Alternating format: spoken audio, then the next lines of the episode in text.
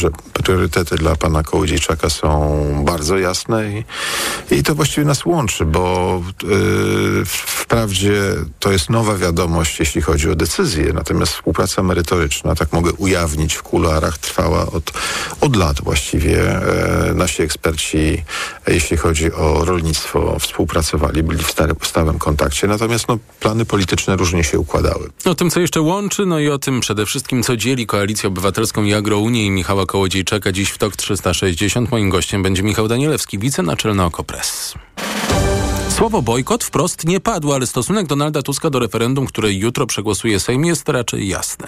Uroczyście przed wami unieważniam to referendum użyją setek milionów publicznych pieniędzy, myśląc, że zniszczą szansę opozycji w ten de facto nielegalny sposób. Jak um, Donald Tusk podchodzi do słowa demokracja? Znaczy stwierdza, że on sam, król Europy, Polski, unieważnia referendum, które jeszcze się nie odbyło. I w tym duchu, jak rzecznik rządu Piotr Miller, konsekwentnie wypowiadają się politycy Prawa i Sprawiedliwości, którzy jutro podniosą rękę za referendum, w którym padną następujące pytania. Z góry przepraszam, jeżeli uznają Państwo, że obrażam Państwa inteligencję. Czy popierasz wyprzedaż majątku państwowego podmiotom zagranicznym prowadzącą do utraty kontroli Polek i Polaków nad strategicznymi sektorami gospodarki? Czy popierasz podniesienie wieku emerytalnego, w tym przywrócenie podwyższonego do 67 lat wieku emerytalnego dla kobiet i mężczyzn? Czy popierasz przyjęcie tysięcy tysięcy nielegalnych imigrantów z Bliskiego Wschodu i Afryki zgodnie z przymusowym mechanizmem relokacji narzuconym przez biurokrację europejską?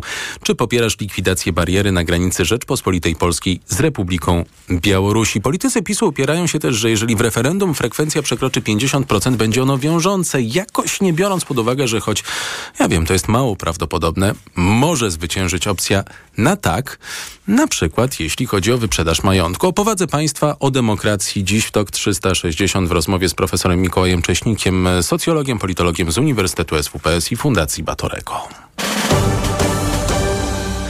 W związku z tym, że wyborom i referendum 15 października towarzyszą silne emocje, Państwowa Komisja Wyborcza apeluje z jednej strony o cierpliwość, a z drugiej o ostrożność. I tym tematem zajmował się reporter TOK FM Tomasz Węskę. Tomku, witaj.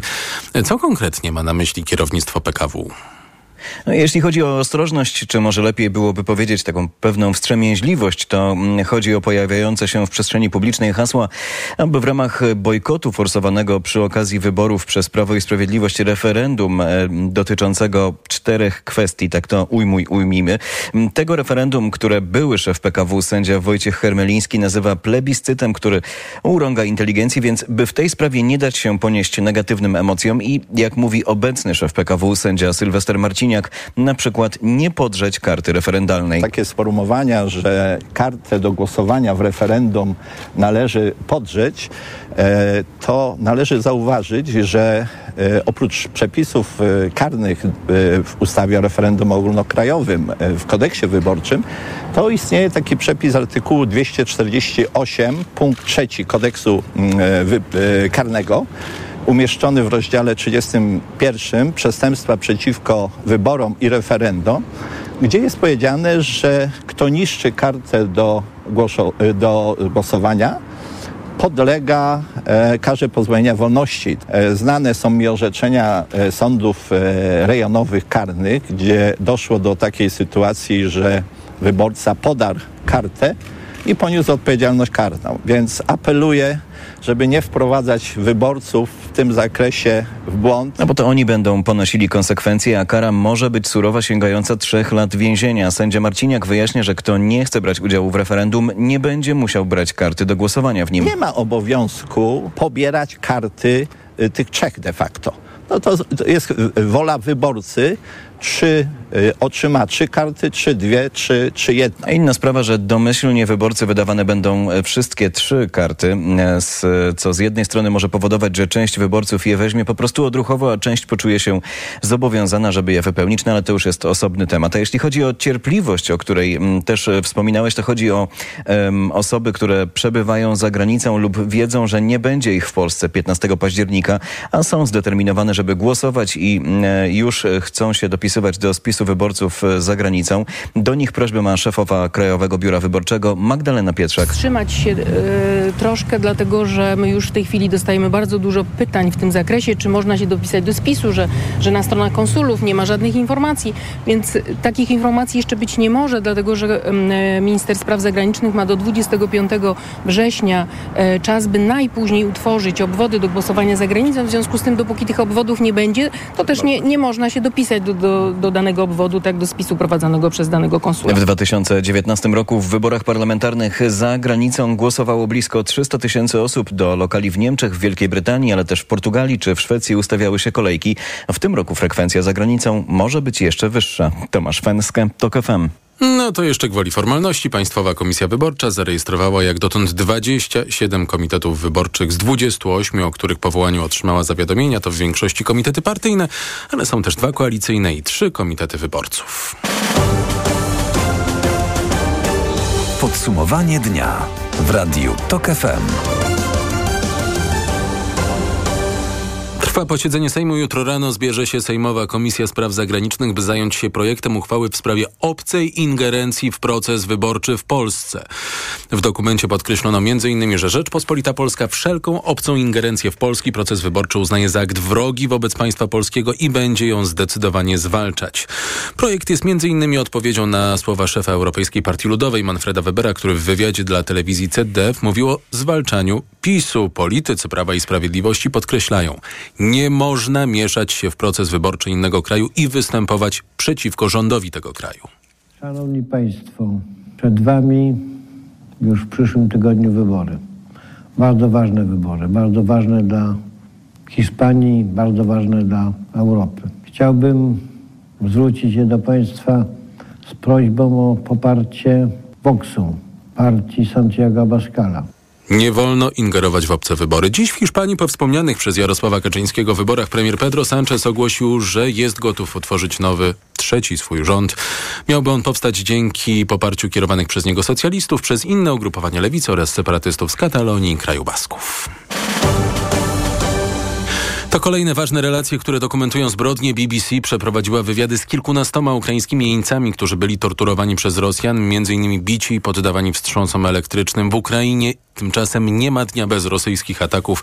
Poprzedniej nocy celem był m.in. Lwów. To był największy atak na miasto od początku wojny, oceniał mer Andrii Sadowy. Rosjanie używają pocisków manewrujących. Mówił o tym w programie Połączenie Piotr Andrusieczko z Gazety Wyborczej te manewry były, były bardzo istotne, to znaczy w tym sensie, że rzeczywiście Rosjanie jakby wyszły, cały czas zapewne oni to robią, szukają takich tras przelotu, które właśnie, no, które są poza jakby tymi tym pokryciem obrony przeciwlotniczej ukraińskiej. W tym sensie można mówić o pewną zmianę, ale to nie jest zmiana, jak która nastąpiła teraz, a, a już wcześniej, że na przykład no, Kijów nie został zaatakowany ostatniej, tej poprzedniej nocy, chociaż y, był taki moment, kiedy te pociski manewrujące rzeczywiście leciały w kierunku Kijowa, później zmieniły trasę.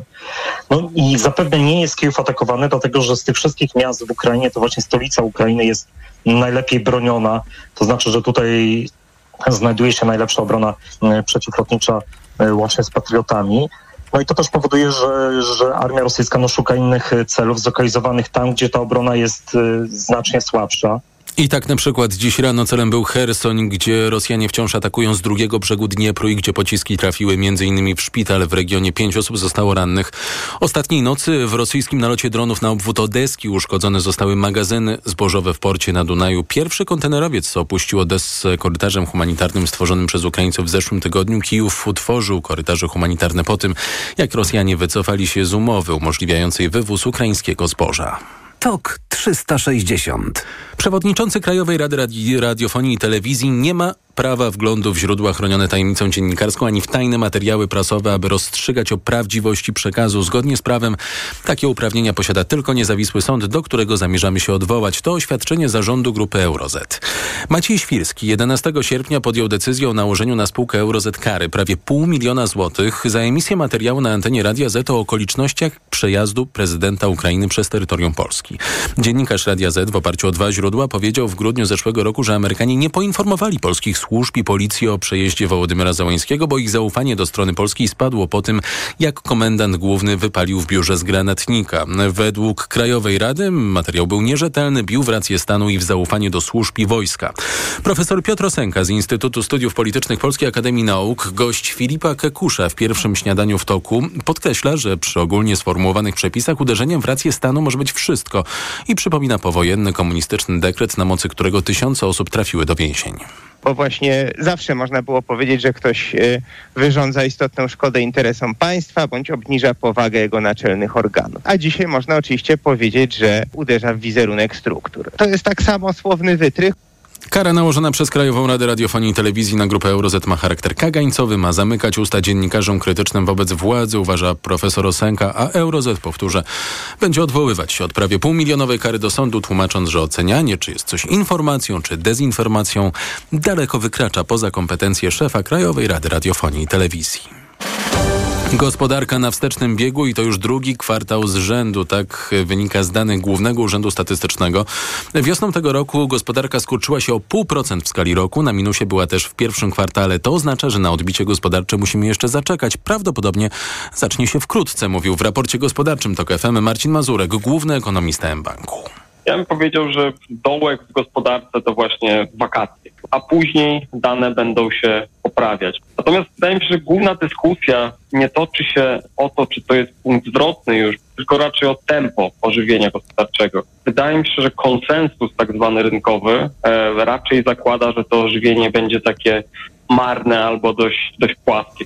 Za cały rok gospodarka ma zaliczyć wzrost, ale ekonomiści podkreślają, że będzie raczej symboliczny. Między innymi o spadku PKB w wieczornych informacjach Radia Tok FM. Magazyn EKG jutro o godzinie 9. Pierwszym gościem Tomasza Setty będzie Tadeusz Białek, prezes Związku Banków Polskich. Jutro w poranku też Michał Kołodziejczak, lider Agrounii, o którym za chwilę rozmawiać będę z Michałem Danielewskim, wicenaczelnym OKO.press. Pogoda. Jutro owszem będzie się chmurzyć, może nawet przelotnie padać deszcz i zagrzmieć, ale przede wszystkim wciąż będzie bardzo, bardzo gorąco. Na północnym zachodzie jeszcze 24 stopnie, ale w centrum już 29-32 stopnie na Podkarpaciu. Może nie będą to rekordy, ale da się to we znaki. Radio TOK FM. Pierwsze radio informacyjne.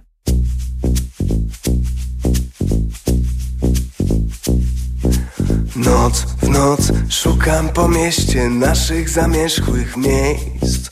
Mam złe sny, kiedy nie śpię. O mamy mam złe. Luka po tobie Nawet dziurawy mam cień.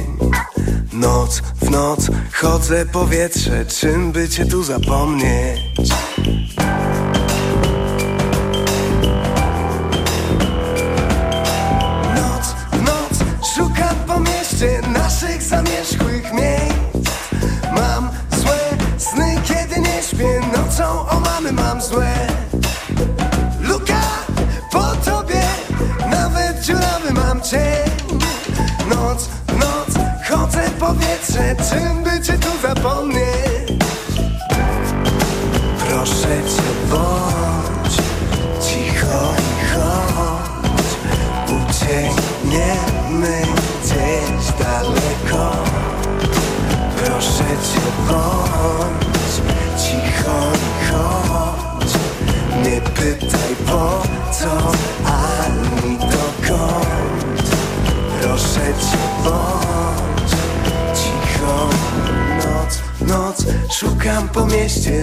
Naszych zamierzchłych miejsc.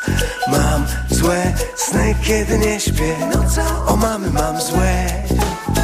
Luka po tobie Nawet dziurawy mam cień. Noc w noc chodzę powietrze Czym by cię tu zapomnieć? Proszę cię bądź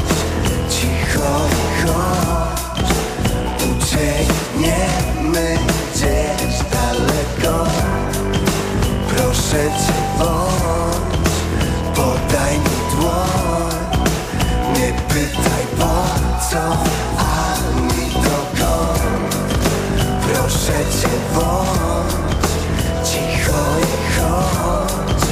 Uciekniemy gdzieś daleko. Proszę bądź cicho. Noc w noc szukam po mieście naszych zamierzchłych miejsc. Mam złe sny, kiedy nie śpię. Nocą o mamy mam złe TOK 360. Gościem TOK 360 jest Michał Danielewski, wicenaczelny Okopres. Dzień dobry. Dzień dobry, witam. Michał Kołodziejczak będzie jedynką Koalicji Obywatelskiej w Koninie. Mamy stan wyższej konieczności i ten projekt jest nieszablonowy. Zrobię wszystko, by był wiarygodny, powiedział lider Agrounii dziś, e, stojąc obok Donalda Tuska. No to może od tej wiarygodności zacznijmy. Kołodziejczak pasuje do Koalicji Obywatelskiej? E, To zależy, co rozumiemy pod słowem pasuje. E, Skoro e, został jedynką w okręgu konińskim z list Koalicji Obywatelskiej, to na, najwyraźniej w jakimś sensie i w jakimś zamyśle lidera Platformy, lidera koalicji Donalda Tuska pasuje. To znaczy, no jakby Tusk mm, pokazał to, z czego w zasadzie go znamy. To znaczy, że jest człowiekiem zdecydowanym, politykiem zdecydowanym, bardzo pragmatycznym i raczej pozbawionym takiego elementu hamletyzowania.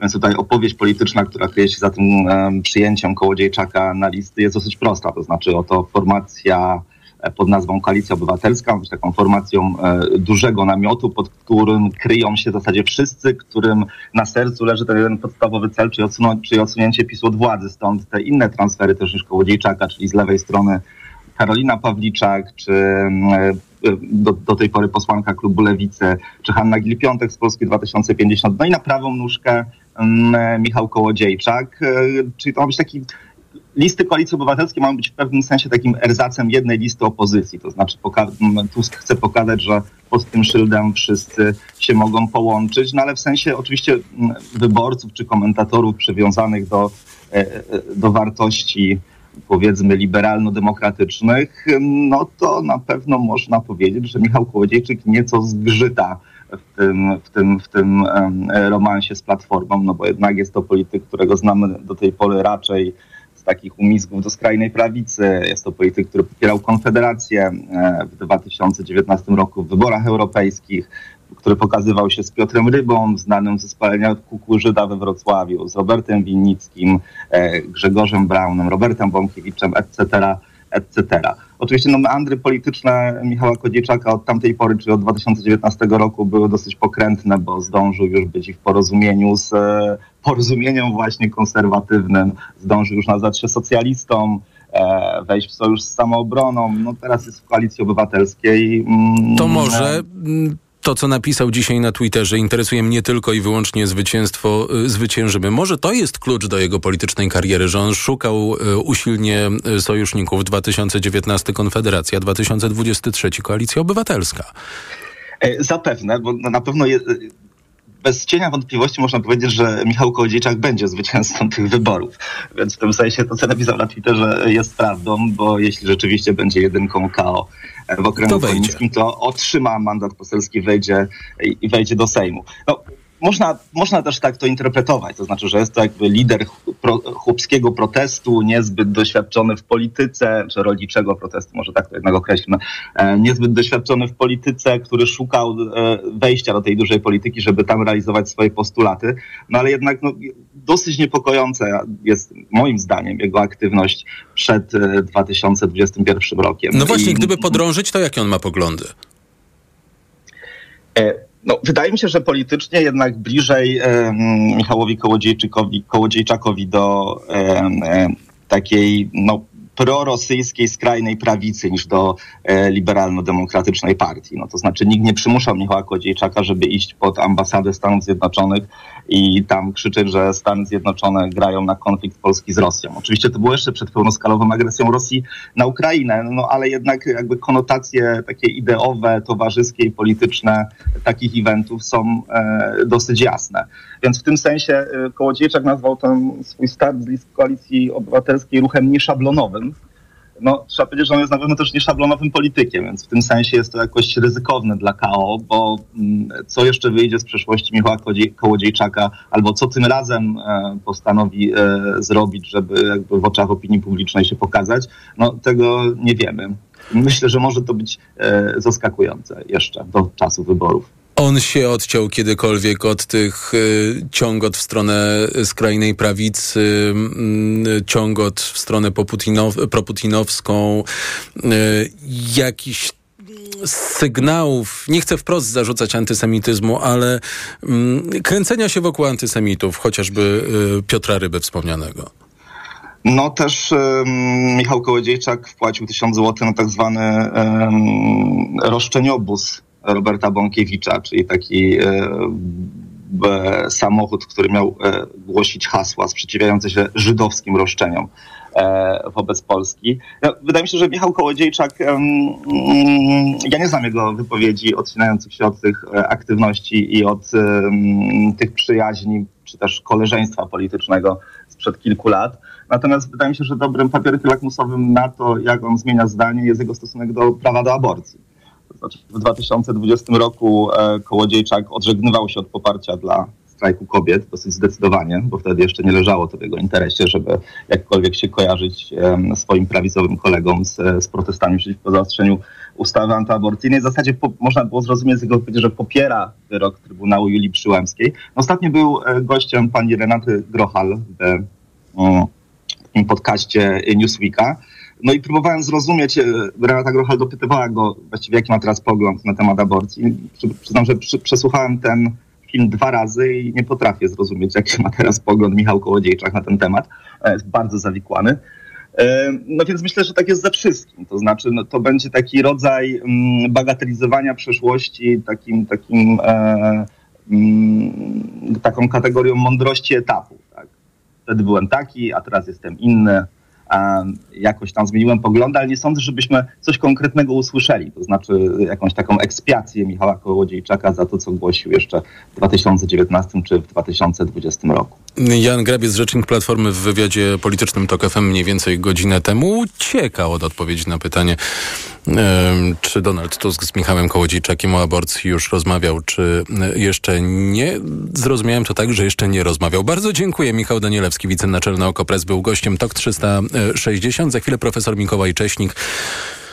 Zmierzymy się z pytaniami referendalnymi. Reklama. Gdzie tanie lato na bogato mam? W Kauflandzie. Od czwartku kawa mielona MK Cafe Premium 500 gramów 21,99, a Pepsi, Mirinda lub 7 Up 4,49 za litrową butelkę przy zakupie dwupaka. Idę tam, gdzie wszystko mam. Kaufland. Po mamie mam wiele wspaniałych cech i jedną złą. Skłonność do bolących nóg i żylaków. Ale z pomocą przyszedł mi Diohespan Max. Lek z najwyższą dawką 1000 mg diosminy. Odkąd stosuję Diohespan Max, zapomniałam o bólach nóg i nie boję się żylaków. Z pełnym przekonaniem poleciłam go mamie. Diohespan Max. Maksymalna ulga dla nóg. Aflofarm. Diohespan Max. Jedna tabletka zawiera 1000 mg zimpronizowanej diosminy. Wskazania przewlekła niewydolność krążenia żylnego kończyn dolnych. Żylaki. To jest lek. Dla bezpieczeństwa stosuj go zgodnie z ulotką dołączoną do opakowania i tylko wtedy, gdy jest to konieczne. W przypadku wątpliwości skonsultuj się z lekarzem lub farmaceutą. Zapraszamy na wielką wyprzedaż w Castoramie. Obniżki nawet o 80%. 6 dni obniżek. Nawet o 80%. To już mówiliśmy. Ale jakie to super, więc jeszcze raz. Obniżki nawet o 80%. Wyprzedaż potrwa tylko do poniedziałku w sklepach i na castorama.pl. Zobacz, ale dobrą cenę za aparat na Allegro mają. Może kupimy naszej Oli? Pewnie, ale czy mamy teraz na to pieniądze? Spokojnie, możemy mieć. Przecież Allegro Pay mają. Kup na Allegro już teraz, a zapłać do 30 dni później dzięki usłudze Allegro Pay. Umowę o kredyt zawierasz ze spółką Allegro Pay, a pośrednikiem jest spółka Allegro. RRSO 0%. Allegro, nasz najkorzystniejszy sklep. Reklama.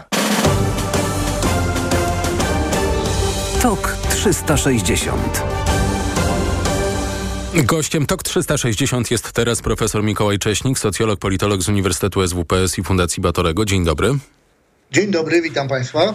E, cytując, czy popierasz wyprzedaż majątku państwowego podmiotom zagranicznym prowadzącą do utraty kontroli Polek i Polaków nad strategicznymi sektorami gospodarki? Czy popierasz podniesienie wieku emerytalnego, w tym przywrócenie podwyższonego do 67 lat wieku emerytalnego dla kobiet i mężczyzn? Czy popierasz przyjęcie tysięcy nielegalnych imigrantów z Bliskiego Wschodu i Afryki zgodnie z przymusowym mechanizmem relokacji narzucanym przez biurokrację europejską? Czy popierasz likwidację bariery na granicy Rzeczpospolitej Polskiej z Republiką Białorusi? Czy to są pytania sformułowane y, zgodnie ze sztuką, czy niekoniecznie? Niekoniecznie. nawet bardzo niekoniecznie bym powiedział. Właśnie delikatnie rzecz ujmując, tak na moje la- mało doświadczone spojrzenie, chociażby nacechowane słownictwo rzuca mi się w oczy. Y, I y, liczne założenia, które są w tych pytaniach, to są założenia y, przyjęte milcząco. Y, no to drugie czy trzecie, o ile dobrze pamiętam, w którym, o którym pan redaktor mówił, tam są y, konkretne kierunki, z których ty, ci nielegalni imigranci mieliby pochodzić. Pytanie, co na przykład z migrantami z dalekiej Azji albo powiedzmy z Ameryki Południowej, prawda? Czy, czy, więc tu widać, że one są robione na chybcika i robione przede wszystkim z pewną bardzo konkretną y, tezą, z założeniem. One są po coś zrobione.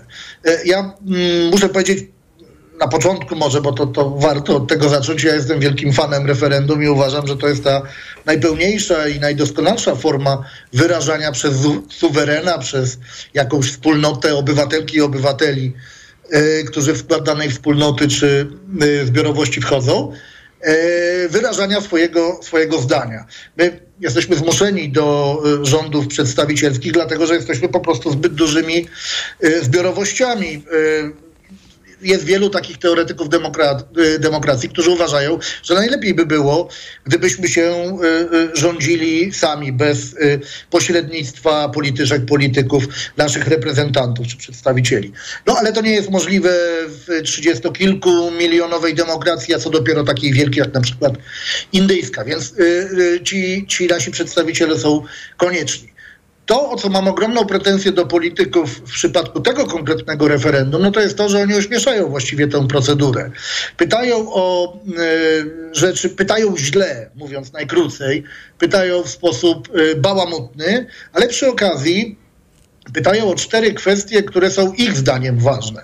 Ja stawiam e, duże pieniądze na to, że gdybyśmy przeprowadzili nawet nie ankietę, ale sondę wśród polskich obywateli w kilku tylko miejscach, y, to okazałoby się, że jest przynajmniej kilka spraw, dużo ważniejszych niż te, y, które, które pan redaktor był uprzejmy zacytować, na temat których Polacy chcieliby się wypowiadać. Ja jestem bardzo ciekaw, jaka będzie linia obrony polityków Prawa i Sprawiedliwości, kiedy będą pytania, dlaczego na przykład nie rozmawiamy o, nie wiem, rozdzieleniu funkcji prokuratora generalnego i ministra sprawiedliwości. A to ja znam tę linię obrony, bo słuchałem dzisiaj Rafała Bochenka e, w Radiu Z rano i on e, wyjaśniał, że to są rzeczy, o których politycy PiSu słyszeli podczas spotkań z wyborcami i tym samym e, próbował te dyskusje uciąć. To, na co, uci- uciąć. To, na co zwróciłem jeszcze uwagę w tych pytaniach referendalnych, to, że one nie odnoszą się do planów rządu. Tak przejrzałem referenda, które mieliśmy w III Rzeczpospolitej i do pewnego czasu wydawało mi się, że dobrym zwyczajem jest pytanie o plany rządu i weryfikowanie, czy te plany y, są zgodne z oczekiwaniami y, wyborców. Pewien wyjątek nastąpił przy okazji referendum y, w sprawie Jowów, rozpisanego przez Bronisława Komorowskiego i jak rozumiem, to jest pogłębiane w wypadku referendum zapowiadanego przez Prawo i Sprawiedliwość. Czy widzi pan to inaczej? Ja widzę to właśnie tak, jak pan powiedział. Idea referendum jest taka, jest jakaś ważka sprawa, jest jakiś sposób jej rozwiązania i y, ktoś, jakieś środowisko polityczne, często zresztą ci, którzy sprawują władzę, chcą zapytać o to y, obywateli i obywatelki. Natomiast tutaj mamy mm, do czynienia z sytuacją, którą sobie politycy Prawa i Sprawiedliwości wyobrażają. Albo też mówią nam, że sobie wyobrażają, albo mówiąc jeszcze bardziej dosadnie, po prostu straszą nią część przynajmniej naszych obywateli i obywatelek, mówiąc o to, jeśli wygra ktoś inny niż my, to dojdzie do A, B, C i D, prawda, do tych czterech y, do tych czterech sytuacji.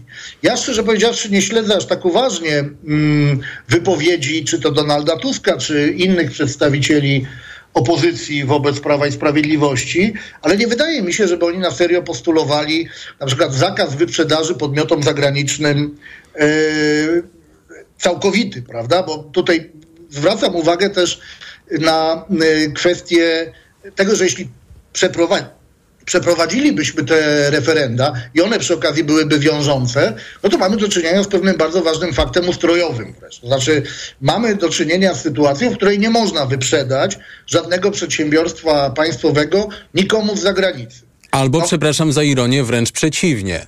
Gdyby, wiem, że to się nie zdarzy, ale gdyby większość zagłosowała na tak, to teoretycznie nałożyłoby to na władzę obowiązek wyprzedaży tych kilkunastu tak. przedsiębiorstw państwowych. Ale y, y, czy tak sformułowane pytania, bo tam się zawsze y, pojawia określenie popierasz, co pachnie sondażem, czy one rzeczywiście mogą być pretekstem do y, uznania referendum za y, wiążące, że tak skręcę też troszeczkę w okolice prawa. Tak, ale nie ma innej możliwości. Zarówno nasza konstytucja, jak i ustawa o referendum no, nie daje możliwości, o ile ja dobrze pamiętam, tutaj być może zaraz mnie prawnicy poprawią, y, y, żebyśmy przeprowadzali no właśnie referendum, które miałoby charakter jakiegoś y, takiego mega sondażu, w którym byśmy pytali o opinię. No, y, przeprowadzamy referendum po to, żeby coś tak fundamentalnie zmienić. No tak jak y, wybieramy przedstawicieli po to, żeby oni uchwalali prawa i te prawa od tej pory obowiązują, od czasu, kiedy zostaną uchwalone przez nasz y, parlament, włącznie z konstytucją zresztą, która przecież też była na początku uchwalona przez, przez parlament. Y, no tutaj y, nie jest chyba sensowne robienie takiego mega sondażu, bo my tego, co Polacy na ten temat myślą, jesteśmy się w stanie dowiedzieć dużo łatwiej. Zresztą, gdybym był złośliwy, to bym powiedział, że politycy Prawa i Sprawiedliwości już to wiedzą, prawda, bo usłyszeli to na spotkaniach ze swoimi wyborcami. Mówię to pół żartem, ale mm, zwracam uwagę właśnie na te ważkie konsekwencje, które to głosowanie może mieć. Y, Z drugiej strony wydaje mi się, że mm, no, na razie jeszcze musimy wszyscy poczekać na decyzję Sejmu. Ten Sejm potrafi, zresztą podobnie jak Sejm poprzedniej kadencji, a także wcześniejsze y, Sejmy, no one mają to do siebie, że potrafią zaskakiwać. I ja ta decyzja na razie mogę się, mogę się jedynie domyślać tego, jaki będzie ostateczny kształt y, tych pytań. Być może one zostaną trochę poprawione. To byłoby pewnie dobre, aczkolwiek ten grzech pierworodny z całego tego referendum, które początkowo miało być złożone tylko z jednego pytania, potem nagle okazało się, że to są cztery pytania. Być może przybędą jeszcze jakieś nowe pytania. Tu zresztą wszystkich obywateli namawiam do tego, jeśli mają taką przemożną chęć, żeby To już e, zadać puenty. wszystkim Polakom jakieś pytanie, to niech się aktywizują, to niech piszą do swoich posłów, niech piszą do swoich senatorów, niech próbują jakoś na to wpłynąć, bo można znowu, biorąc za dobrą monetę, ja tego nie robię, ale można pewnie za dobrą monetę, będąc bardzo naiwnym, wziąć to, co robi Prawo i Sprawiedliwość i powiedzieć sobie, no dobrze, to może parę innych rzeczy, które są fundamentalnie istotne, rozstrzygnijmy przy tej okazji. Dodanie jednego pytania nie będzie nic kosztować, więc może tych pytań zamiast cztery, niech będzie 10, 15. No jest sporo takich rzeczy, na temat których chcieliby się pewnie polscy obywatele y, wypowiedzieć. W 2020 roku pamiętam, że przede wszystkim masa obywatelek, a nie obywateli, miała pewną sprawę do załatwienia.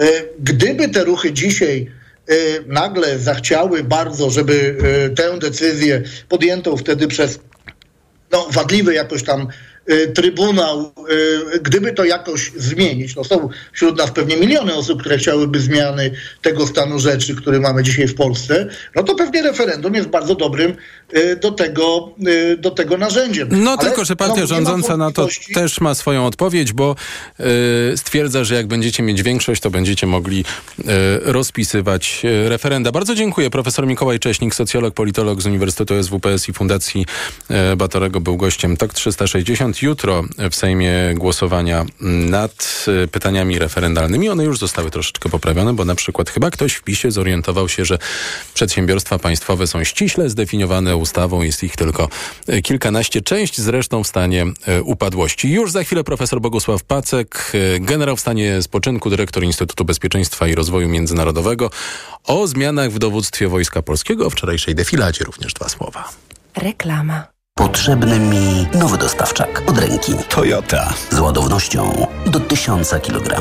Toyota. A do tego W leasingu 105%. Toyota. No i z gwarancją do 3 lat i miliona kilometrów. Toyota, a konkretnie ProAce City. Leasing 105% to leasing operacyjny dla przedsiębiorców z sumą opłat do 105%. Dotyczy modelu ProAce City z rocznika 2022. Finansującym jest Toyota Leasing Polska Spółka ZO. Szczegóły u dealerów Toyoty.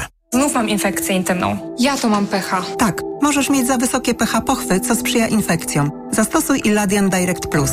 Iladian Direct Plus przywraca i utrzymuje fizjologiczne pH pochwy, dzięki czemu zapobiega nawrotom infekcji. Iladian Direct Plus. Zapomnij o infekcjach intymnych. Pomocniczo w leczeniu oraz w profilaktyce bakteryjnego, grzybiczego lub mieszanego zapalenia pochwy, w łagodzeniu suchości i uczucia napięcia błony śluzowej pochwy. Aflofarm to jest wyrób medyczny. Używaj go zgodnie z instrukcją używania lub etykietą. Osoba starsza, która ma problemy z apetytem i mniej je, potrzebuje substancji odżywczych i minerałów. Suplement diety Appetizer Senior zawiera ekstrakt z owocu kopru, który wzmaga apetyt oraz wspomaga trawienie. Dzięki temu bliska ci osoba może dobrze się odżywiać. Appetizer Senior. Aflofarm. Do pełna? Z korzyściami i bez limitu liczby tankowań. Przez całe wakacje 5 dni w tygodniu na stacjach Shell klubowicze Shell Club Smart płacą 30 groszy mniej za litr paliw premium Shell V-Power. Zyskuj więcej z Shell Club Smart. Szczegóły na shell.pl.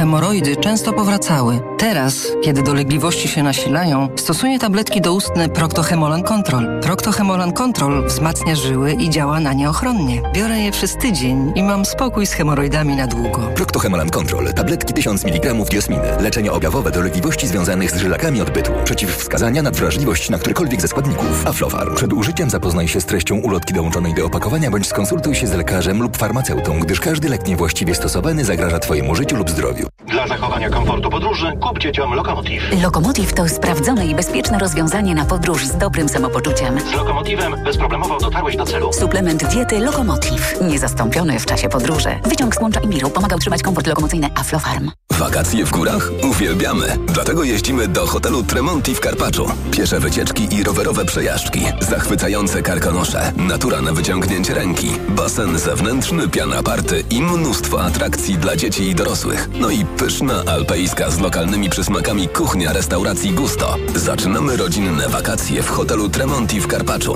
Więcej na www.tremonti.pl To był świetny wypad w góry. Do czasu, aż Kry się złapał ból pleców, pamiętacie? Niby coś brałam, ale nie pomogło. Bo stosowałaś nie to, co trzeba. Fakt. Pomógł mi dopiero Opokan Med. Bo Opokan Med to specjalistyczne rozwiązanie. Właśnie na bóle mięśniowo-stawowe i reumatyczne. Opokan Med przynosi ulgę na długo. Opokan Med. Bez bólu przez cały dzień. Bez bólu przez całą noc. To jest wyrób medyczny. Używaj go zgodnie z instrukcją używania lub etykietą. Rozgrzewanie i łagodzenie dolegliwości krzyżowo-lędźwiowych, reumatycznych, mięśniowych, stawowych i nerwobóli. Aflofarm. Łączy nas krew, która ratuje życie.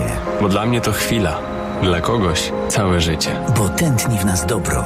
Jest wiele powodów, by oddawać krew. Zgłoś się do najbliższego centrum krwiodawstwa, oddaj krew i uratuj czyjeś życie. Sprawdź na twojakrew.pl. Dlaczego zmieniłam tabletki na wątrobę i stosuję Proliver Cardio? Bo poprzednie tylko chroniły wątrobę, a Proliver Cardio również stymuluje pracę układu pokarmowego. Proliver nie tylko wspomaga wątrobę, ale również wspiera odtruwanie. I dodatkowo Proliver Cardio wspiera zdrowe serce.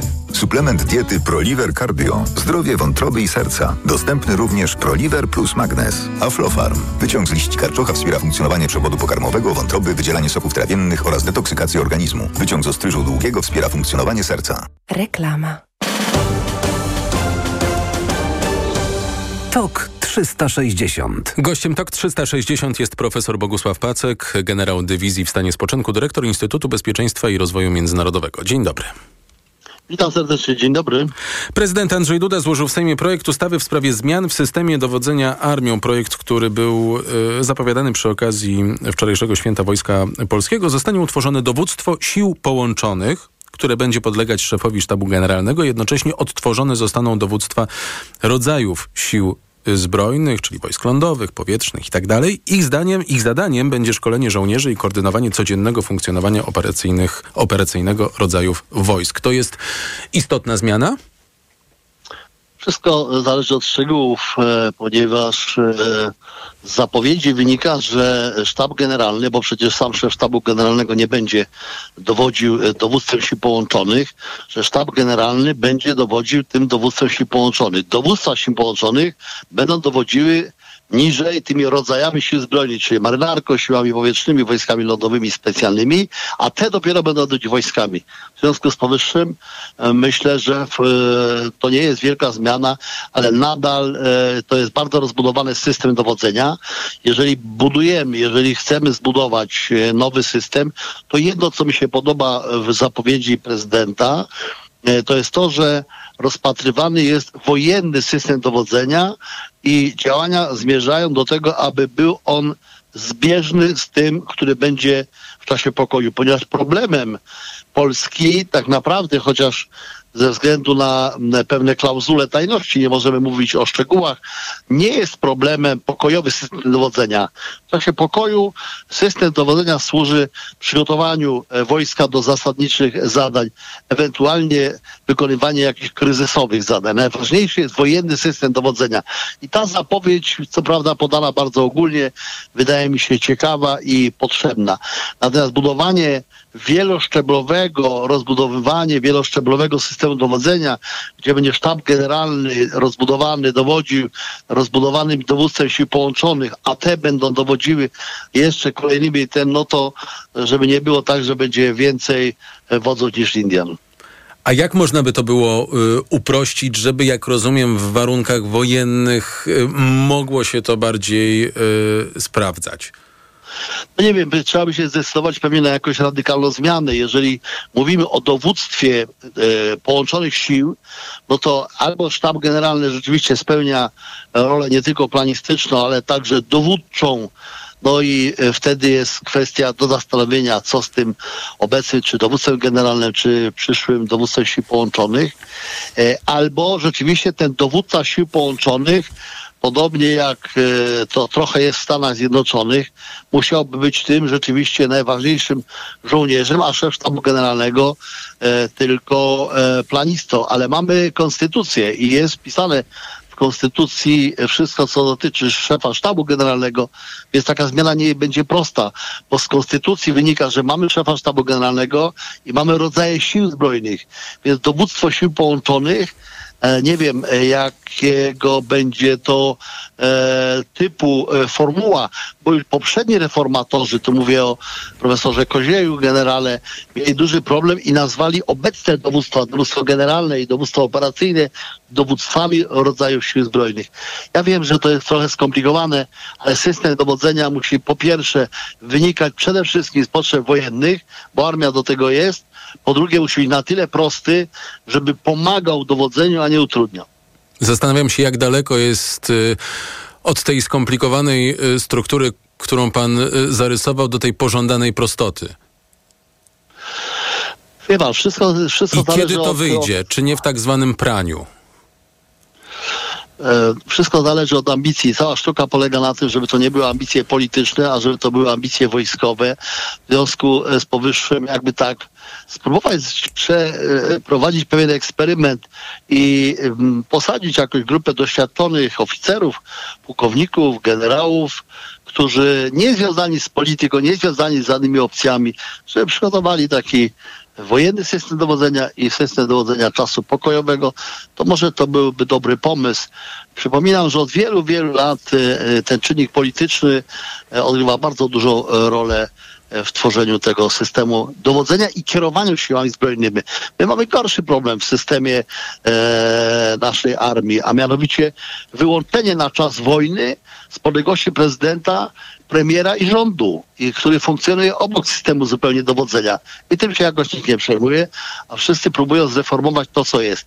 Tak naprawdę, puentując to jednym zdaniem, to ten dowódca sił połączonych z podległymi na nowo, bo już kiedyś były, rodzajami sił zbrojnych, no to będzie mniej więcej to, co mamy, tylko z uprawnieniami dowódczymi dla dowódcy marynarki Sił Powietrznych Wojsk Lądowych. Bo my mamy w dowództwie generalnym, oni się nazywają inspektorzy rodzajów sił zbrojnych, inspektorzy. I ten inspektor, gdyby miał uprawnienia dowódcze, to pewnie zaspokoiłby ambicje e, reformatorskie e, te, o których dzisiaj jest mowa. A propos ambicji e, politycznych, o których też była mowa, czy my mamy, Pana zdaniem, w Polsce kłopot, rosnący czy nie, z politycznym wykorzystaniem wojska? Bo spoglądałem na wczorajszą defiladę, spoglądałem na różne wypowiedzi polityków partii rządzącej z żołnierzami w tle. No i to już było wielokrotnie przywoływane. Australijscy oficerowie, którzy, gdy padały polityczne pytania, odeszli, żeby nie stać w tle polityka, a z drugiej strony polscy politycy, którzy jak najbardziej antyopozycyjne deklaracje składają z żołnierzami y, za plecami. Mamy, ja nie nazywam tego e, politycznym, a nazywam to partyjnym. Mm. Wojsko służy pewnej polityce i w tym nie ma nic złego. Państwo uprawia pewną politykę, rządy poszczególne uprawiają politykę i wojsko służy e, realizacji tej polityki. W tym nie ma nic złego. Natomiast jest źle, jeżeli wojsko służy interesom partyjnym, niezależnie od tego, jaka to jest partia.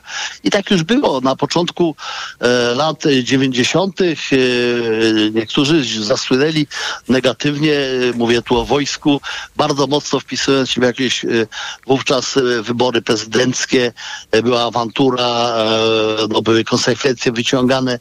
I te ciągoty jakieś są, ale to nie są ciągoty żołnierzy, bo to nie żołnierze mają ambicje, to są ciągoty polityków, ponieważ prawdą jest, że wojsko bardzo mocno poprawia wizerunek, dobrą ocenę polityków, którzy filmują się, fotografują na tle wojska. I są pewne normy, które można stosować i są takie, które, które nie można. I tak długo, jak to służy państwu, to niech polityków będzie jak najwięcej i wojska też. I nie ma z tym żadnego problemu.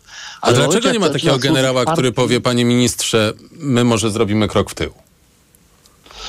Nie wiem, ja sądzę, że są generałowie, bo wiele, wielokrotnie, co prawda już wiele lat temu, uczestniczyłem w różnych dyskusjach i, i nie było aż takiego bardzo e, spanikowania przed ministrami, żeby generałowie, przede wszystkim kierownictwo sztabu generalnego, byłem członkiem kolegium e, ministra e, obrony przez wiele, wiele lat e, i były najróżniejsze wypowiedzi e, i nie sądzę, żeby zabrakło odwagi dzisiejszym generałom. To jest przede wszystkim kwestia woli polityków, którzy powinni zrozumieć, że to źle służy armii, ponieważ wojsko jest wojskiem, partie się zmieniają, politycy w tych partiach się zmieniają. Ta władza przez różne partie jest reprezentowana, a wojsko jest to samo.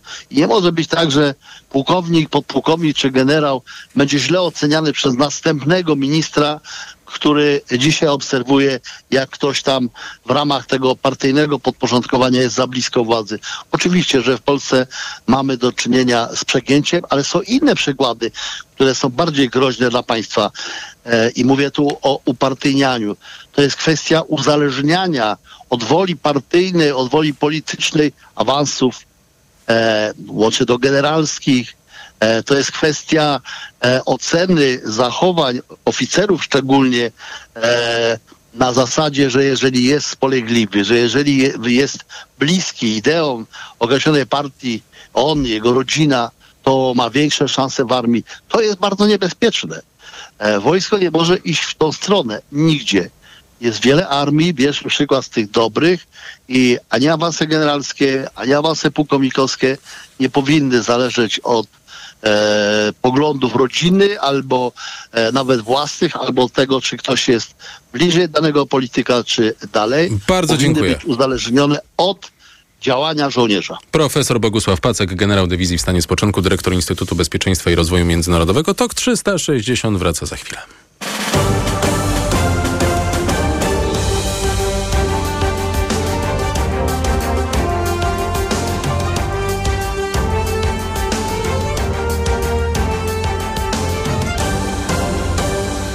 Gościnią TOK 360 jest Joanna Zabielska-Cieciuch, lekarka rodzinna, ekspertka Porozumienia Zielonogórskiego. Dzień dobry.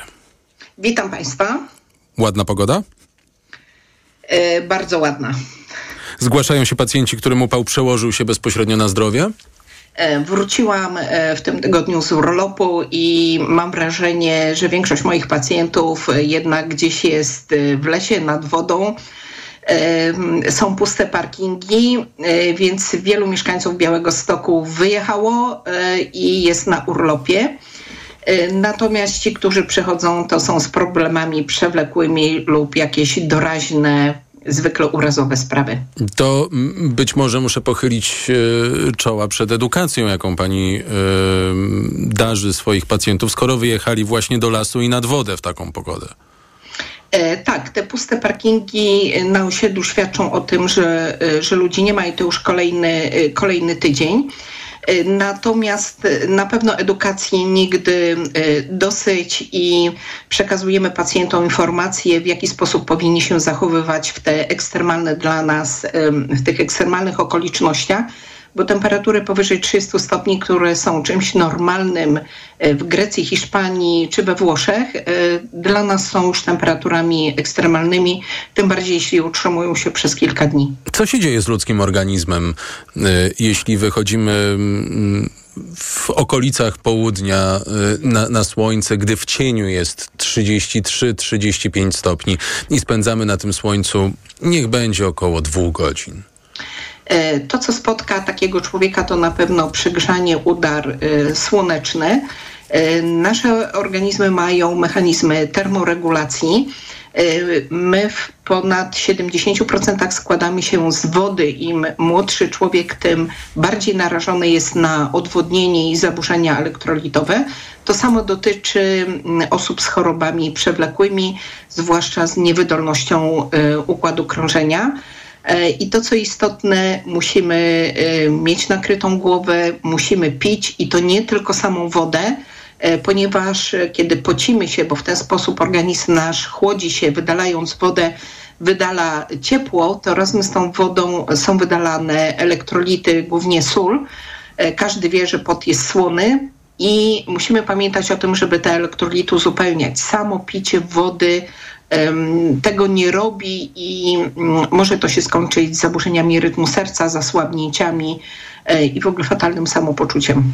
Ten udar, o którym pani wspomniała, jak, on się przejawia? Co jest sygnałem o, ostrzegawczym? Pamiętam, kiedyś dużo czasu spędziłem na y, słońcu. Pojawił się bardzo taki, taki ból głowy, jakiego nie pamiętam, a do tego mdłości.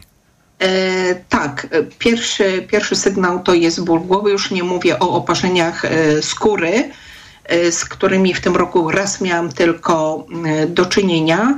E, apelujemy o stosowanie kremów z filtrem, a przede wszystkim przy intensywnym słońcu i w godzinach południowych nie przebywanie na tym słońcu. Natomiast odwodnienie, zaburzenia elektrolitowe, przegrzanie to jest podrażnienie naszego mózgu, objawia się bólą głowy i te nudności, zawroty głowy to jest kolejny etap.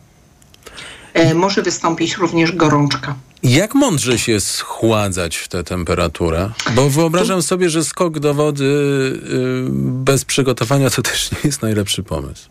E, zależy do jakiej wody, dlatego że woda na przykład w jeziorach jest ciepła, w Bałtyku e, ta woda moim zdaniem zawsze jest zimna. Natomiast musimy zwrócić uwagę na różnicę temperatur. Nie, nasze organizmy nie lubią dużej różnicy temperatur, więc picie chociażby napojów z lodem czy jadanie lodów e, przy, przy tak wysokiej temperaturze może skończyć się anginą, dlatego że duże różnice temperatur osłabiają nasze e, zdolności ochronne i e, właśnie takie miesiące letnie i dni bardzo gorące, kiedy korci nas, żeby pijać zimne, e, ja polecam chłodne napoje, ale bez, bez lodów i bez napojów z kostkami lodu. Wspomniała Pani o Grecji, o, o, krajach południa Europy, gdzie tego typu temperatury są na porządku dziennym i e, o naszej szerokości geograficznej, gdzie no, nie jest już to takie normalne, mm, chociaż powoli powinniśmy się do tego, nawet nie powoli, powinniśmy się do tego przyzwyczaić. Czy to jest tak, że organizm przyzwyczaja się też do takich temperatur, mm, no, biorąc pod uwagę właśnie możliwości zniesienia ciężkich temperatur przez mieszkańców południa Europy i nasze? E, ja myślę, że tu bardziej styl życia, mm. które, który mają wpojony już od dziecka, Dlatego, że ja pamiętam, kiedy kiedyś byłam w Bułgarii i o 11 godzinie wychodziliśmy na plażę, bo odsypialiśmy sobie trudy całego roku i wszyscy tam się dziwili, bo właśnie Bułgarzy rozpoczynali o 12 siestę i dziwili się, co my, co my robimy. My mamy inne nawyki, natomiast tam jest rzeczą normalną, że aktywności są rano, E, a mm, w południe kilka godzin e, są siesty, są pozamykane sklepy.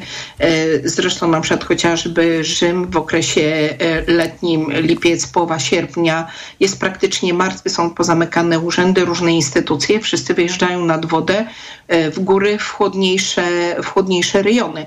Natomiast w Polsce, kiedy my te upały mamy kilka dni, E, no to po prostu jakoś się do tego adoptujemy. Sytuacja nas do tej pory nie zmuszała do tego, e, żebyśmy na przykład w zakładach pracy i wszędzie powszechnie wprowadzali od 12 e, do 15-16 siesty.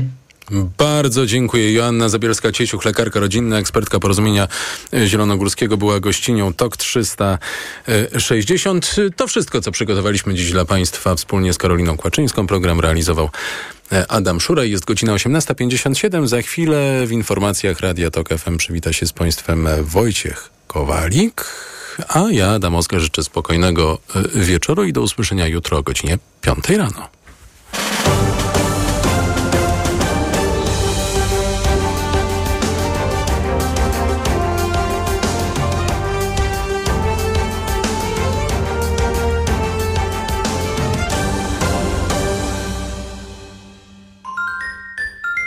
Dobre pytania. Są tu zawsze w cenie. A czy możemy to przełożyć jakoś na konkretne liczby?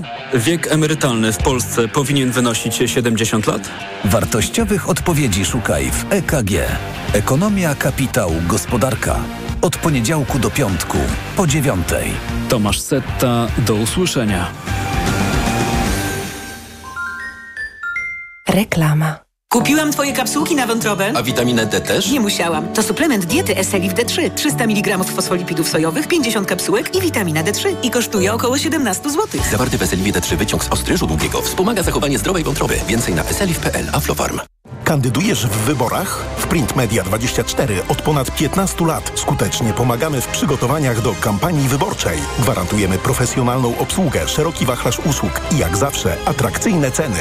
Banery już od 12 zł 90 groszy, ulotki od 2 groszy. Nie zwlekaj. Nasz zespół czeka na kontakt. www.printmedia24.pl ukośnik wybory. W Warszawie ulica Nowowiejska 5 i Rogalskiego 4. Celestynów ulica Osiecka 2. Cześć! Teraz nie mogę rozmawiać, bo smacznie śpię. Wieczorem biorę suplement diety Valerin Sen. Tabletki ułatwiają mi zasypianie i wspomagają spokojny sen bez wybudzeń.